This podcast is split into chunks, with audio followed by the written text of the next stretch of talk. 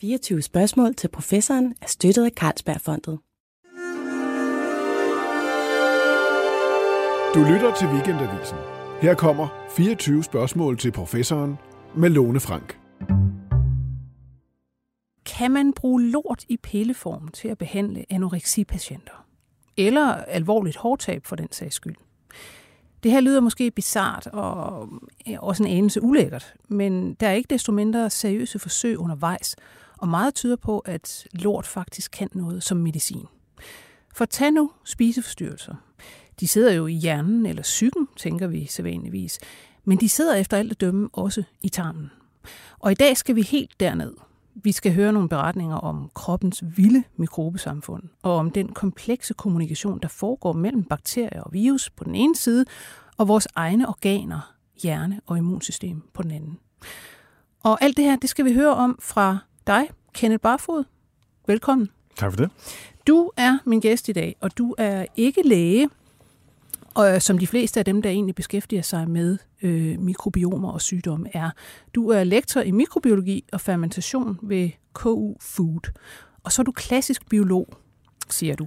Og det her med at være klassisk biolog, siger du også, det giver dig en måske lidt anderledes måde at tænke over de her indre mikrobesamfund på. Hvordan det?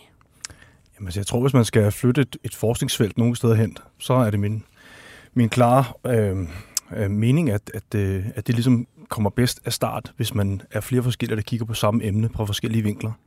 Og så en, en kemiker og en, og en biolog og en læge kan kigge på de her sygdomme, eller hvad problemstilling man nu kigger på, og så har man ligesom forskellige værktøjer i kassen, øh, man, kan, man kan bruge.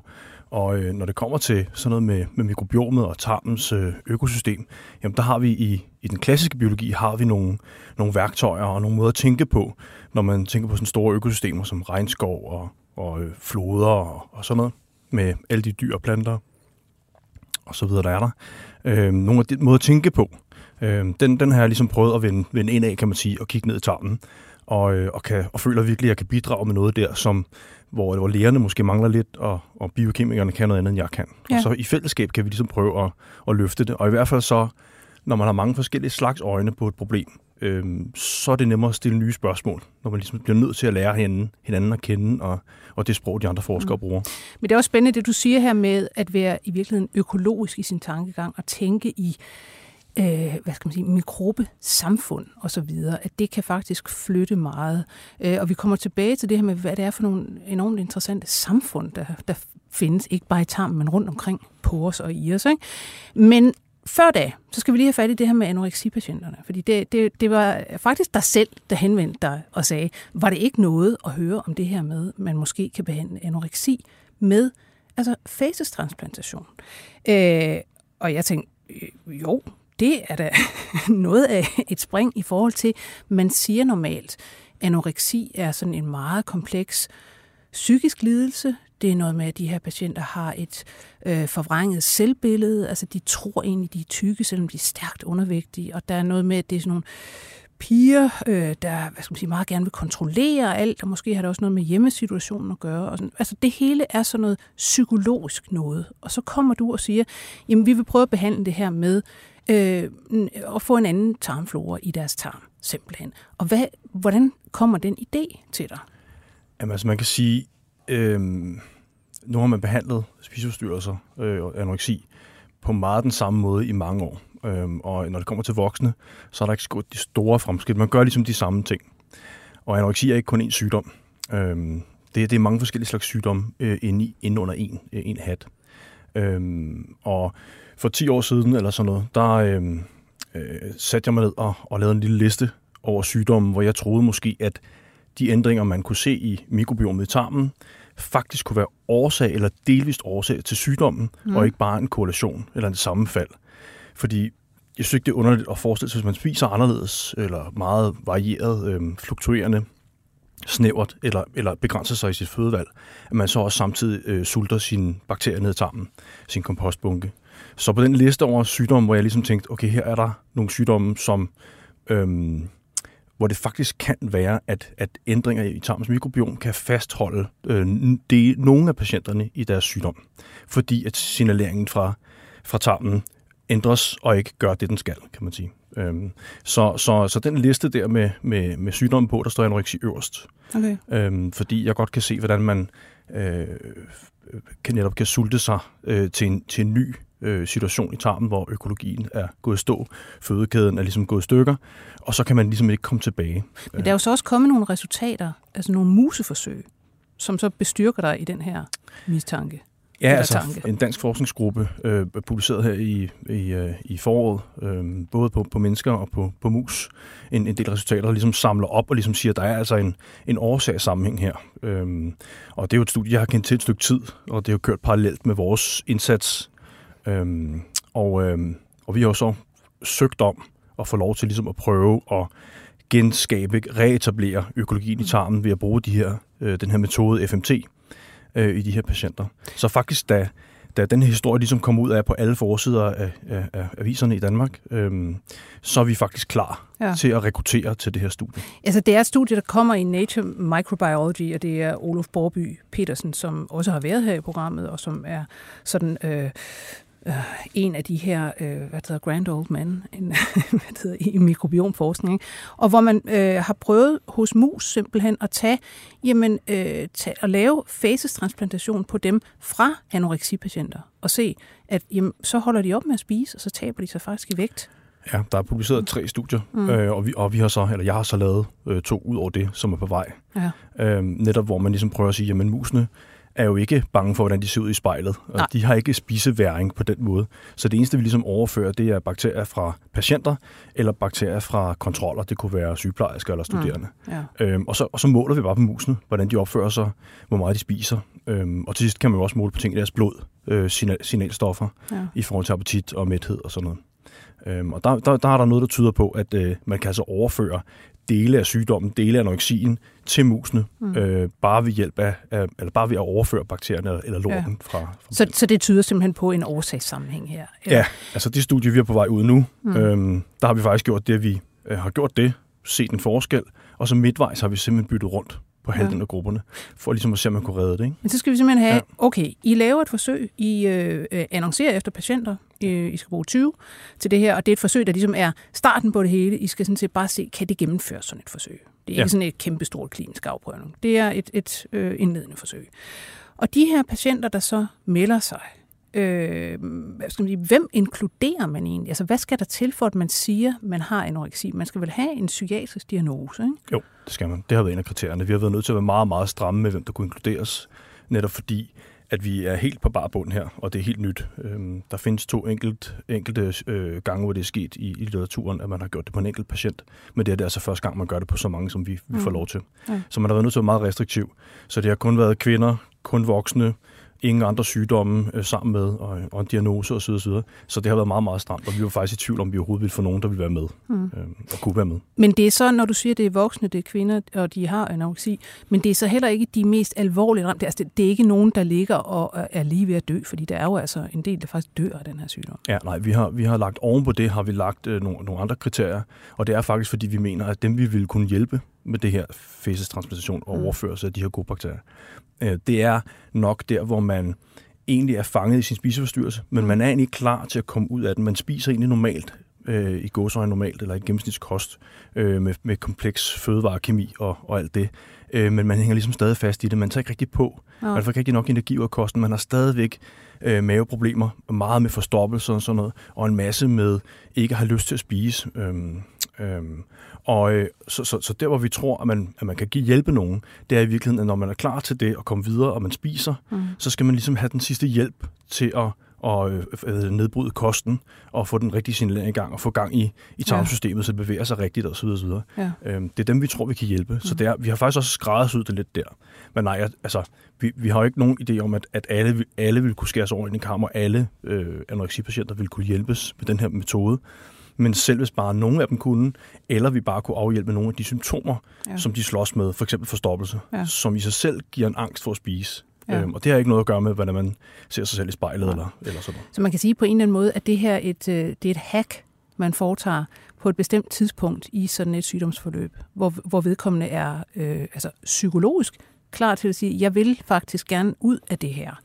Ja. Øh, og, og, og, og hvad skal jeg gøre? Ikke? Altså, og jeg spiser og så videre. Ja, men nu får du lige Altså, I kalder det så facestransplantation, og der ser man straks for sig den her kæmpe store sprøjte op bag i, efter at man har ødelagt øh, patientens eget mikrobiom med øh, hvad hedder, antibiotika, men, men de fleste får det faktisk i pilleform, ikke? Øhm, den, den meste viden, vi har på, på at bruge FMT i patienter, kommer fra den her øh, aggressive øh, tarminfektion med, med Clostridium. Og øh, så, så meget af viden omkring, hvordan man gør det og sådan noget, er ligesom baseret på det. Og der findes ikke ret meget viden om, hvordan man bruger den her metode til andre typer sygdomme, og hvad der ligesom er smart og godt. Øh, så vi er ligesom på helt bare, bare bund. Øhm, og i vores patienter har vi ikke udraderet deres mikrobiom til at starte med. Okay. Så vi, vi, øh, vi giver dem det faktisk øh, ind i deres eget naturlige, kan man sige. Mm. Øhm, det, der er sket egentlig, det er, at man har begyndt at bruge det til den her, øh, og, og, og har, som har meget stor succes i forhold til at behandle de her infektioner. Øhm, og så har man set, at sikkerhedsprofilen på den her behandling er ret høj. Mm. Så det er ikke særlig farligt at gøre det. Og så er det klart, så kan man bevæge sig fra noget, der er meget livstruende, som den her infektion. Så kan man måske langsomt begynde at overveje, at man kunne bruge den her metode til andre ting, der var lidt mindre livstruende. Anoreksi er ret alvorligt, og, og der er en ret stor øh, øh, del, der, der bliver kroniske og lider af det hele livet. Og der er også nogen, der, der dør af det. Ikke? Øhm, så, så, det, så FMT begynder sådan langsomt at blive kigget på, om det kan blive brugt til andre ting andre steder øh, på andre måder. Øhm, og især det med sådan, ligesom at finde et vindue, hvor man faktisk kunne forestille sig, at man bare ved at skubbe til patientens eget mikrobiom, så kunne man opnå noget, også selvom det kun var midlertidigt, vil man kunne opnå noget, der så har en, øh, en positiv effekt i forhold til noget andet. Det kunne være i forhold til, hvis man skulle have en kemoterapi i forhold til en kræftsygdom, hvor man ikke øh, man er simpelthen ikke frisk nok til at modtage sin kemo, Nej. så kunne man forestille sig, og det er blevet brugt nogle gange, så får man sådan en FMT, så, stiger, så ændres hele ens øh, immunbillede, og så, man, så bliver man erklæret rask mm. nok til at modtage sin, sin, øh, sin behandling. Og bare for lige at gå tilbage til det her med metoden, ja. altså man kan gøre det med simpelthen at tage en gang afføring og putte den op men man kan også gøre det i pilleform, ikke? Ja, altså med kapsler, ja. hvor man, øh, man indkapsulerer det, det, det donormaterialet mm. i ligesom to lag, hvor det så først ligesom går i stykker ned i, i tarmen, hvor det skal gå i stykker. Ja. Og så er udfordringen selvfølgelig, at man kan deponere lidt mindre, mm. når man skal spise det med kapsler. Ja. Øh, men i forhold til Clostridia-infektionerne, så har det vist sig at være nogenlunde lige så effektivt at slutte som kapsler, som at få ført det op bag. Ja. Vores patienter har haft muligheden for at vælge, mm. fordi vi var faktisk i tvivl om, om anorektikere ville sluge de her hestepiller. Ikke? Ja, øhm, fordi de er ret store. Ja, men, men, øh, men, men øh, langt, langt de fleste øh, har altså valgt at, at sluge dem, og har, mm. har været lige så gode til at kunne sluge dem, som, som andre typer patienter, der skal have det på den her måde. Okay. Mm. Ved du hvad? Så lad os gå til det her med, hvad i alverden øh, der kan være øh, på færre øh, i forhold til kommunikation mellem det, der findes nede i ens tarm og ens hjerne, øh, fordi at vi hører jo faktisk mange sådan hentydninger til, jamen det her mikrobiom har nemlig ikke bare noget at gøre med, hvad der sker i, i vores mave, det har også noget at gøre med for eksempel forskellige øh, hvad det hedder, psykologiske tilstande, måske endda vores humør og, og, og øh, så videre, så videre. Og så er det jo, man tænker, okay, hvis det har det, hvad er så kommunikationsvejene? Hvordan er det hjerne og tarmbakterier kommunikerer med hinanden?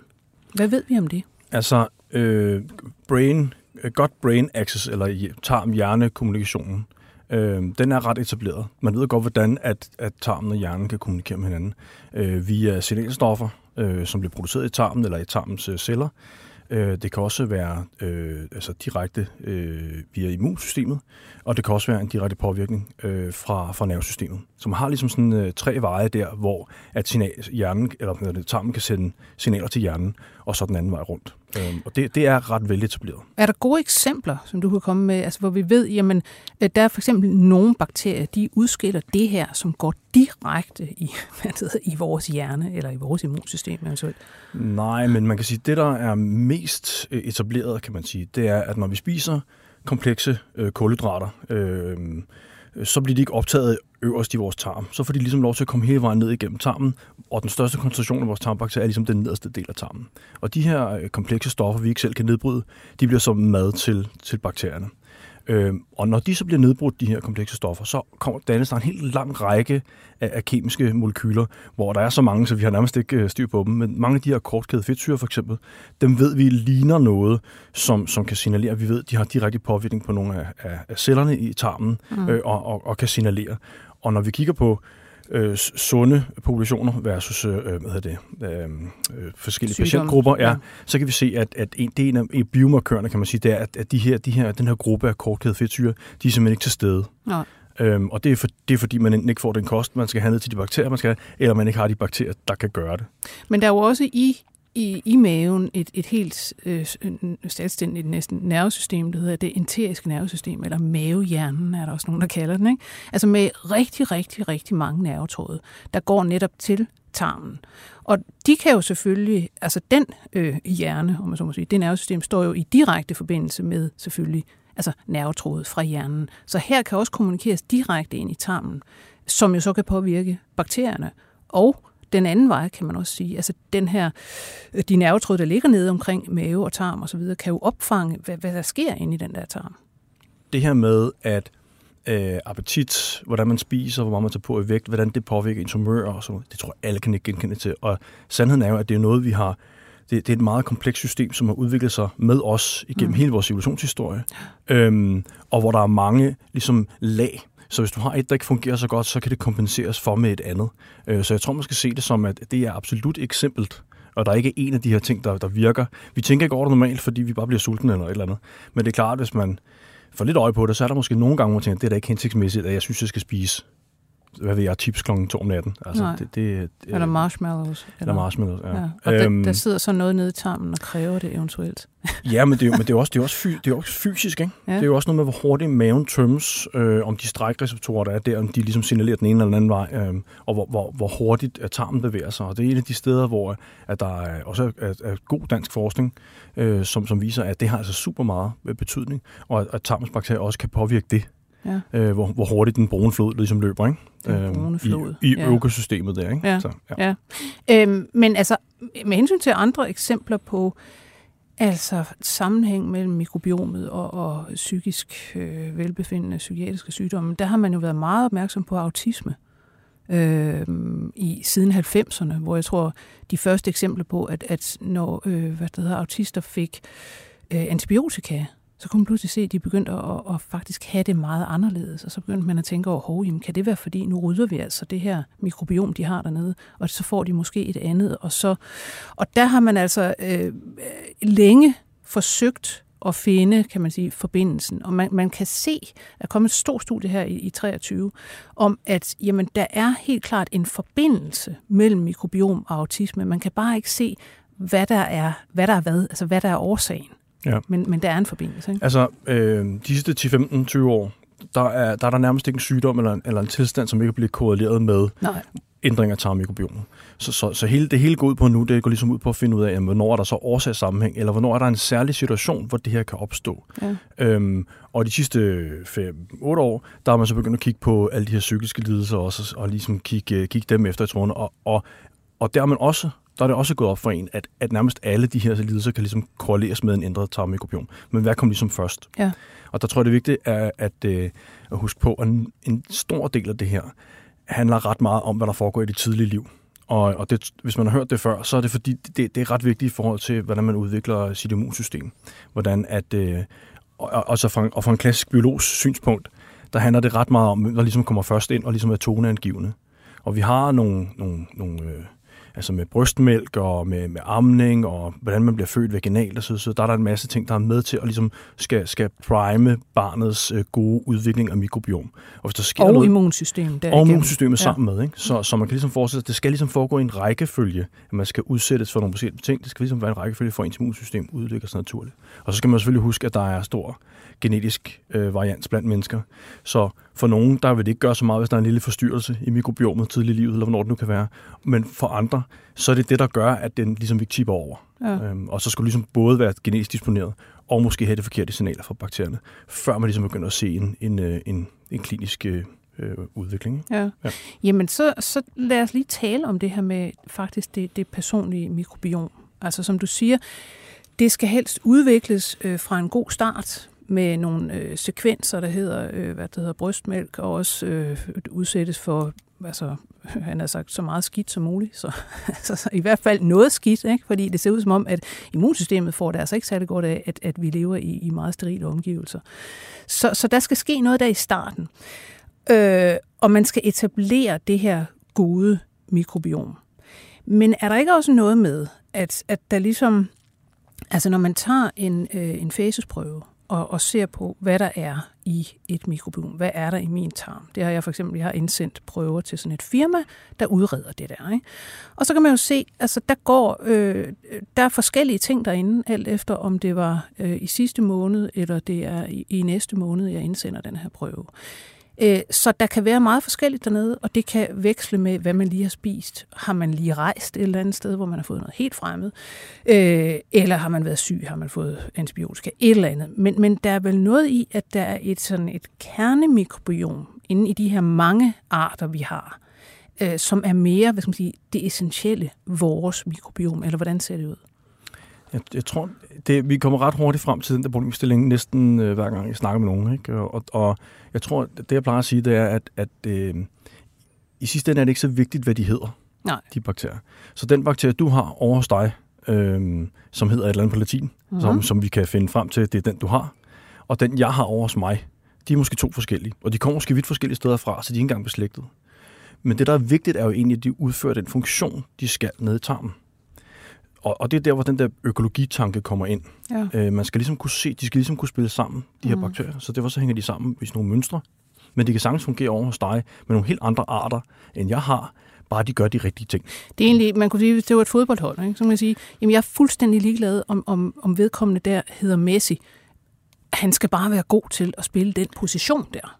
Ja, og man kan altså. sige, hvis du ikke har nogen angriber, ja. jeg ved ikke, om man så, angriber, det er ja. meget, men hvis du ikke har nogen angriber, så kan det være, at du scorer så mange mål, ikke? og så er det det, du, det, det, der går op for, der, der er et problem her, ikke? Ja. og så mangler du den komponent, og så skal man huske, at de, de øh, er meget afhængige af hinanden, og, og det betyder, at øh, hvis du bare øh, fjerner få arter måske, så er der nogle hele fødekæder inde i det der økosystem, som går i stykker, og så, og så går det lyn, lige pludselig meget hurtigt. Øhm, og det er også derfor, at en af de få biomarkører, vi har i forhold til sundhed og sygdom, det er noget med, hvis der er mange forskellige arter, mm. så ligner det en kompleks regnskov med, hvor alt ser godt ud. Der er blomster, og der er kolibrier, og der er det hele. Der, det er ligesom et udtryk for, at det er godt. Mm. Hvis man kommer et sted, hvor det hele er brændt ned, og der kun er to planter og en, og en død, øh, hvad vil jeg, pindsvin, så, så siger vi, at det er nok dårligt. Ja, det, er, det er sådan noget monokultur. Men, ja, men det er meget, meget groft sagt. Ikke? Ja. Fordi det kommer an på, om der, er en, om, om der er et problem med det, eller ej. Ikke? Og så hvor man er henne i sit liv. Om det er tidligt i livet, eller om det er, når man er etableret som voksen.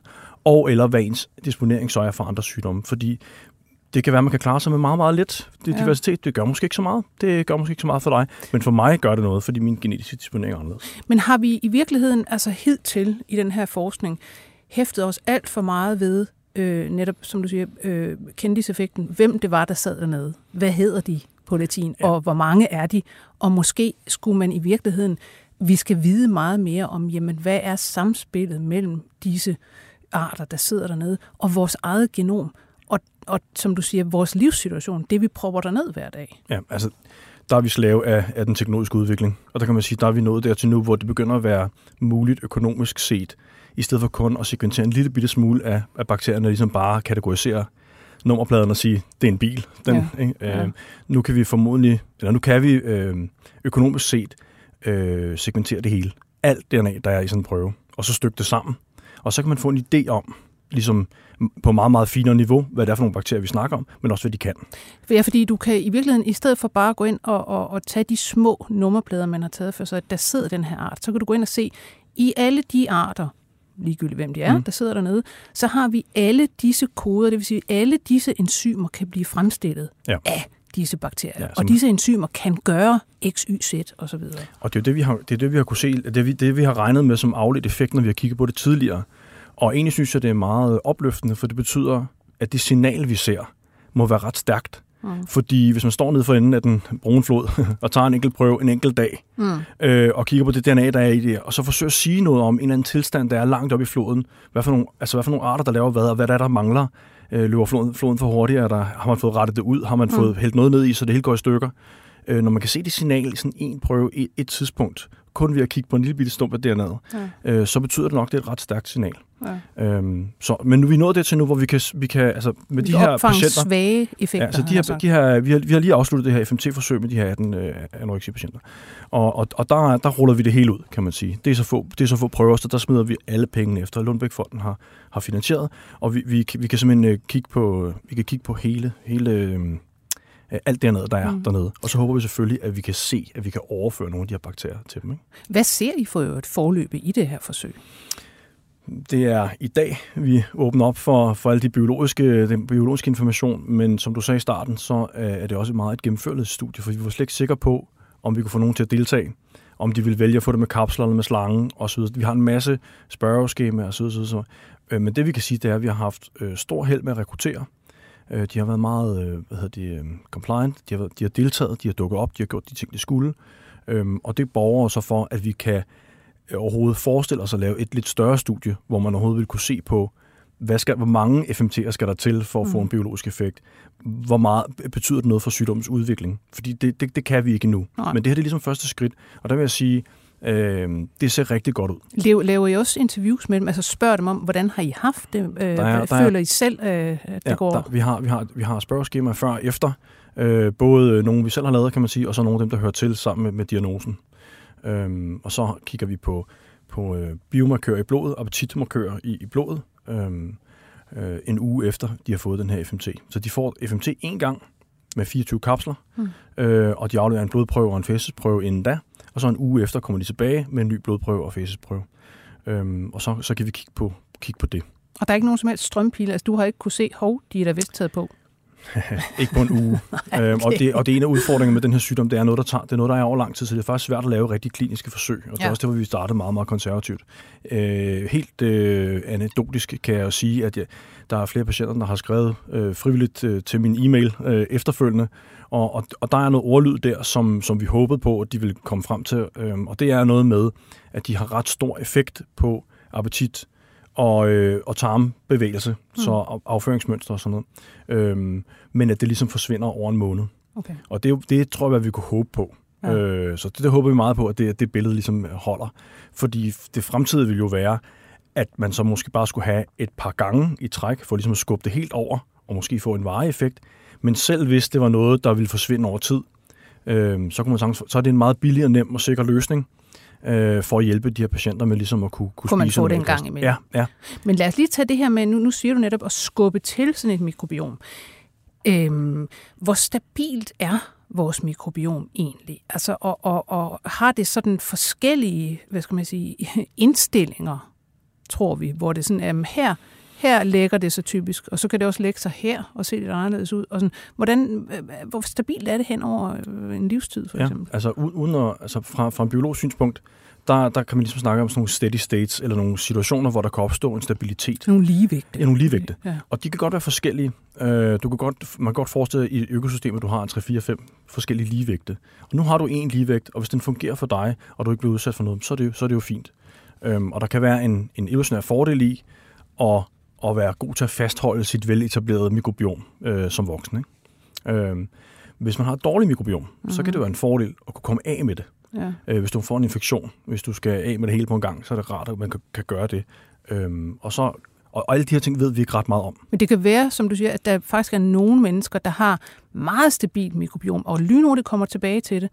Og så er der så nogen, som han har sagt, tror jeg mig selv, så snart jeg tager ud og rejse, så går alt i udu på en eller anden måde, og er så anderledes, når jeg kommer tilbage. Og det, det, det svipper ikke lige tilbage til, hvordan det var. Der er, der er et altså. studie, hvor man har givet raske personer mm. antibiotika i 14 dage, og så har man fulgt deres mikrobiomudvikling over et år. Og der er det 20 procent, som jeg husker det, som aldrig kommer tilbage til det, de var. Okay. Og 20 procent er klar efter 14 dage, så er de tilbage ja. til, til det, de var før. Og alle ligger ind imellem. Kan jeg vide, om det er genetisk, eller hvad? Øh, det, er det, det er det helt sikkert i, i sidste ende, mm. men det er også noget med, hvad det er for en, en biologisk niche, du præsenterer. Så hvad for noget pH har du i tarmen? Ja. Hvor hurtigt den bevæger sig? alle de her ting, altså hvor mange øh, krummeluer er der, hvor bugtet er din flod, ligesom, ikke? Altså, hvordan, øh, hvordan foregår din fysiologi simpelthen? Hvordan ja, ser det ud? Ja, ja hvordan, hvordan, øh, hvad er det for en flod, du præsenterer dem for mm, at bo i? Ja. Øh, og, og især der er immunsystemet nok også ret vigtigt, ikke? Øh, så der er hele tiden en hård selektion øh, på, på, på, på det. Øh, men det er klart, at i tidligt i livet, der, øh, der har man måske nemmere ved at skubbe til det. Det er også derfor, vi måske ser nogle, for eksempel astma, allergi og, og nogle andre ting, hvor vi ligesom ved, at det er det tidlige liv, der ligesom er vigtigt. Og det er jo nok, fordi det er der, det er nemmest at skubbe til det. Ja. Det er også der, hvor vi har en biologisk øhm, øh, system til ligesom at, at preppe det, så det er jo nok der, hvor det er vigtigt. Øhm, der er også der er dansk forsker, øhm, som, hvor de har været nødt til at give FMT til en mor, der var gravid, mm-hmm. øhm, fordi hun har haft den her klostridia-infektion. Som er en virkelig, virkelig, virkelig slem Ja, diarré, det bliver man altså, som er til. nærmest Ja. livstruende. Nej, men den, den er, den er Ja, livstruende, ja. og, og, og, og det, det gik op for, for forskerne verden over, det var, at når man behandlede med de her FMT'er, så blev over 90% raske overnight. Ja. Så man holdt simpelthen op med at lave forsøg med det, fordi det var uetisk at fortsætte med forsøgene. Nu er, der, bare. nu er der senere lavet nogle forsøg på det, så, men, men det har ligesom etableret sig til at være en meget, meget, meget god. Og når man følger den her mor, Mm. øh, øh, hun, hun, bliver, hun bliver helbredt, hun får en FMT og bliver helbredt for sin infektion. Men så har de faktisk fulgt barnet også. Og der kan de jo se, at hvor mange af bakterierne, som kom fra, fra donoren og ikke fra moren, som ligesom bliver overført til barnet. Ja. Øhm, og, og jeg går ud fra, det ved jeg ikke, men jeg går ud fra, at de følger det her barn fremadrettet for at se, Ja. hvor lang tid det egentlig holder. Ikke? Så man kan godt forestille sig, at det har ret meget at gøre med livssituation. Ja. Også i den anden ende af livet, med, omkring menopausen, eller måske når man bliver helt gammel, så sker der også nogle ting. Så vi ved godt, at, at alder også er et mikrobiom. Øh, det er også en mikrobiom. Der vil jeg jo straks gribe fat og sige, øh, altså, det, det er jo det, man også siger til, til, til alle kvinder i en vis alder. Ligegyldigt hvad du går til læge med, så siger de, ja, det er sgu nok hormonelt. Altså, er det også det med det her, de her mikrobiomeændringer? Vi laver et studie i øjeblikket, hvor vi kigger på piger, der går for tidligt i pubertet. Nå, For at ja. se, om det kunne være noget, om man ligesom har et formodent mikrobiom, der siger, nu har du god foderstand. Ja. Nu, øh, nu sætter vi i gang i din hormoncyklus. Øh, simpelthen for tidligt, fordi man ligesom har... Man har jo set, at, at alderen for første menstruation, den faktisk falder ikke? Ja. i vestlige populationer, ja. hvor vi jo altså er i god foderstand. Ja, ja. Man kan jo sagtens forestille sig, at det, det er sådan, det, det er skruet sammen. Øhm, og jeg, jeg synes, det er utroligt spændende at kigge på, kigge på de her. Man kan sige, kvinders sygdomme, når det handler om hormoner, og det handler om øh, menstruation og menopause, mm. altså, og øh, ja, aborter og spontan abort, alle mulige ting. det, det er ligesom om, at der har været sådan en, øh, en sky af, at jamen, det er bare naturligt. Ja. Det behøver vi ikke gå nærmere ind i. Det er jo Nej. bare sådan, det er. Ja. Ikke? Øhm, og det, det er simpelthen ikke rigtigt. Øh, der, I forhold til at lave sådan nogle transplantationer af bakterier, så er der også nogle danske forskere, der faktisk har gjort det med vaginal øh, mikrobiom. Ja. Så, så det mikrobiom, der er i, i vagina, øh, der har man set, nogle de har nogle forstyrrelser af dem, og, og det har ledt til nogle spontane aborter. Så der har man faktisk lavet, på en enkelt person, har man lavet overførsel fra en rask kvinde Mm. til den her person. Ja. Hun etab- øh, mikrobiomet etablerer sig i, i vagina, og hun føder sit barn. Og, og så videre. det, altså igen en, en single case. Men, Ja. det, men ideen om ligesom at sige, at der er noget forstyrrelse her, i en midlertidig periode, der tvinger vi det over i en anden, i en anden stadie, så vi kan opnå den effekt, vi gerne vil have. Øhm, og øh, det er en af de ting, som jeg meget gerne vil kigge på i fremtiden, det er altså... Fordi det, det ser ud som om, det er, at vi går længere og længere tilbage i tid. Så mikrobiomet er vigtigt i starten mm-hmm. af, Mhm. af livet. Ja. Måske er det også vigtigt, hvad mor har, mens hun er gravid. Ikke? ja. Ja, det er der faktisk Fordi noget, det er jo det, du sådan set får Ja. i den der vaginalfødsel. Ja, hvad, hvad har hun Ja. ja. egentlig frem til? Vi ved, at det udvikler sig hen over, hen over graviditeten, Ja. ja. og vi ved faktisk, at det betyder noget øh, for fosterets øh, immunudvikling, hvad bakteriemor har under graviditeten.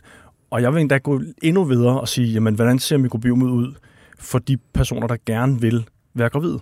Ja. Så hvis du har en, øh, hvis du har, hvis du er infertil og, og søger hjælp til at få, få for børn, er der så noget der? Og der er der faktisk allerede noget, der tyder på, at nogle af de store årsager og diagnoser til, til barnløshed er faktisk korreleret med mikrobiomeændringer. Så nu okay. er det så spørgsmålet, om, ja. Vi kan, om vi ligesom kan pinpointe det, om ja. der er en hormoncyklus øh, indflydelse, og om vi vil kunne øh, midlertidigt behandler dem med for eksempel FMT eller probiotika eller andre metoder, hvor man ligesom forsøger at skubbe til mikrobiomet.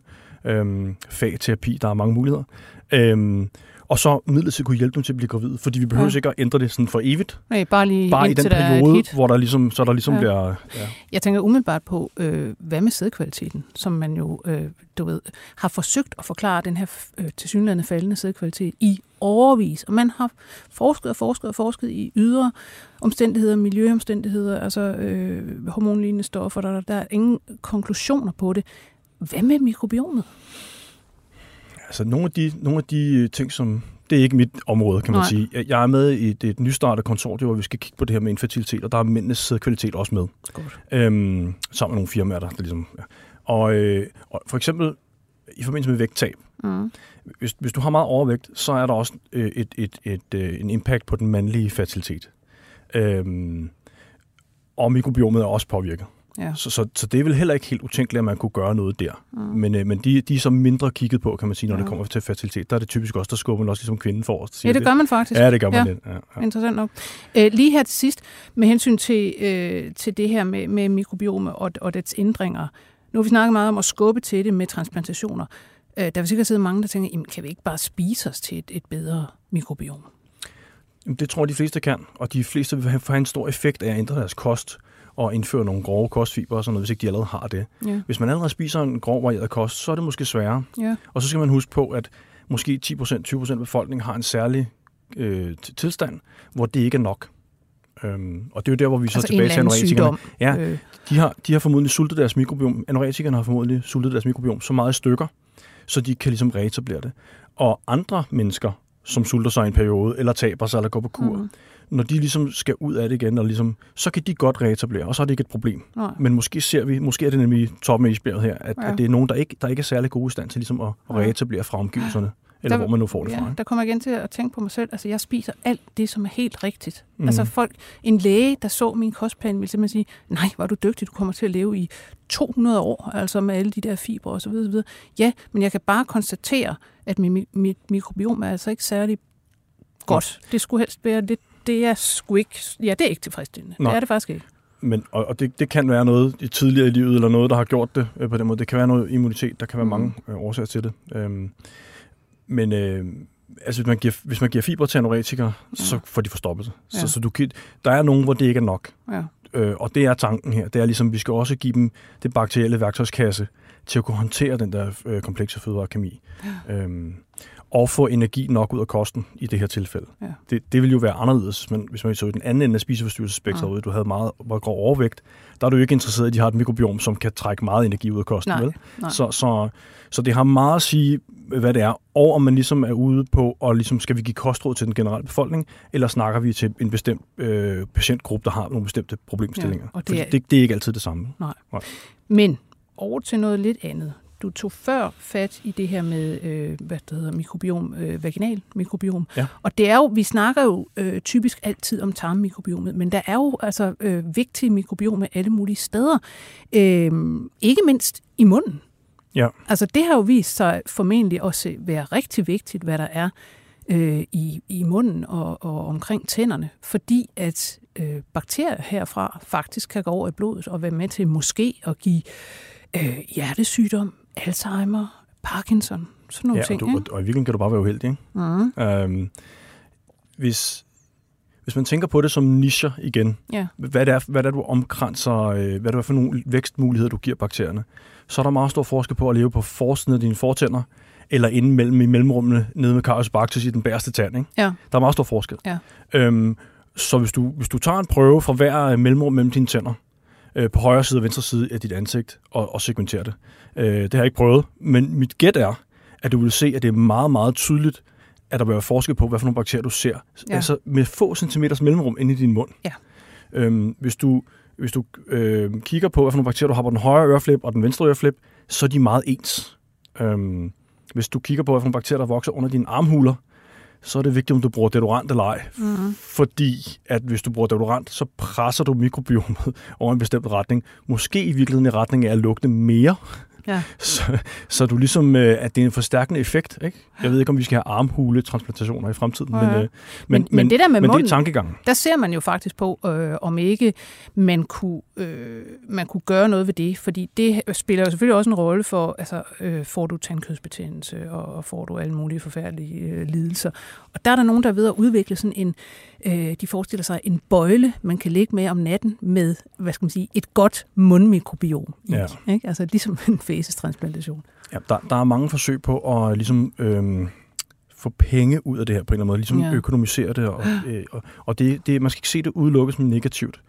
Problemstillingen for eksempel for anoretikerne er, at der er ikke nogen pille, vi kan producere, Nej. så der er ikke nogen penge at tjene, Nej. og det vil sige, så er der ikke noget øh, drev fra de private virksomheder osv. I, i at udvikle en kur. Og hvis de skulle vælge, så ville de hellere vælge nogle andre øh, øh, lidelser. Nogle, der var lidt flere af. Ja. Så det her med ligesom at forsøge at få nogle penge ind i systemet, øh, det er faktisk nødvendigt for overhovedet at kunne, kunne bære den forskning fremadrettet øh, og ligesom flytte noget. Så man skal ikke være så sure på de her firmaer, som prøver ligesom at, at få nogle penge ud af det på en eller anden måde, øh, probiotika-producenter osv.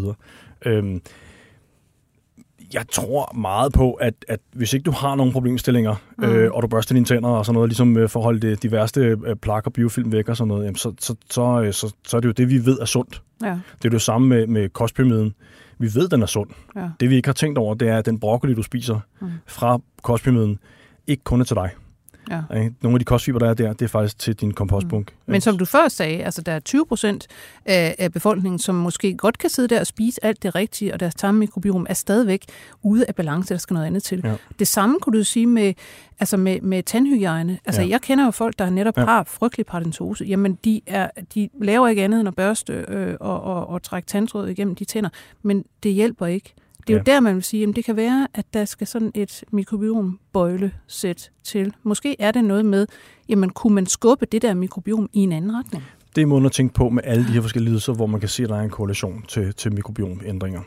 Øhm, og man kunne sagtens forestille sig, at det, du siger, er, er rigtigt. Øhm, men hvordan vi får vores bakterier, og hvordan man Mm. opholder det gode, og sådan, det er virkelig svært at sige. Ikke? Øhm, Men det er bare meget sjovt, den her tendens til, at alle steder øh, begynder man at kigge på det, også hudmikrobiom. Mm. Og alle steder er der så øh, en, en bevægelse mod, at man skal lade være med det, man plejede med, vi skal ikke skylle mund i alle mulige mærkelige desinfektionsmidler. Det er ikke en god idé. Vi skal nok heller ikke gå i bad med øh, sæbe og skrub hver eneste dag og alt det her. Altså væk fra i virkeligheden at gøre alt for meget.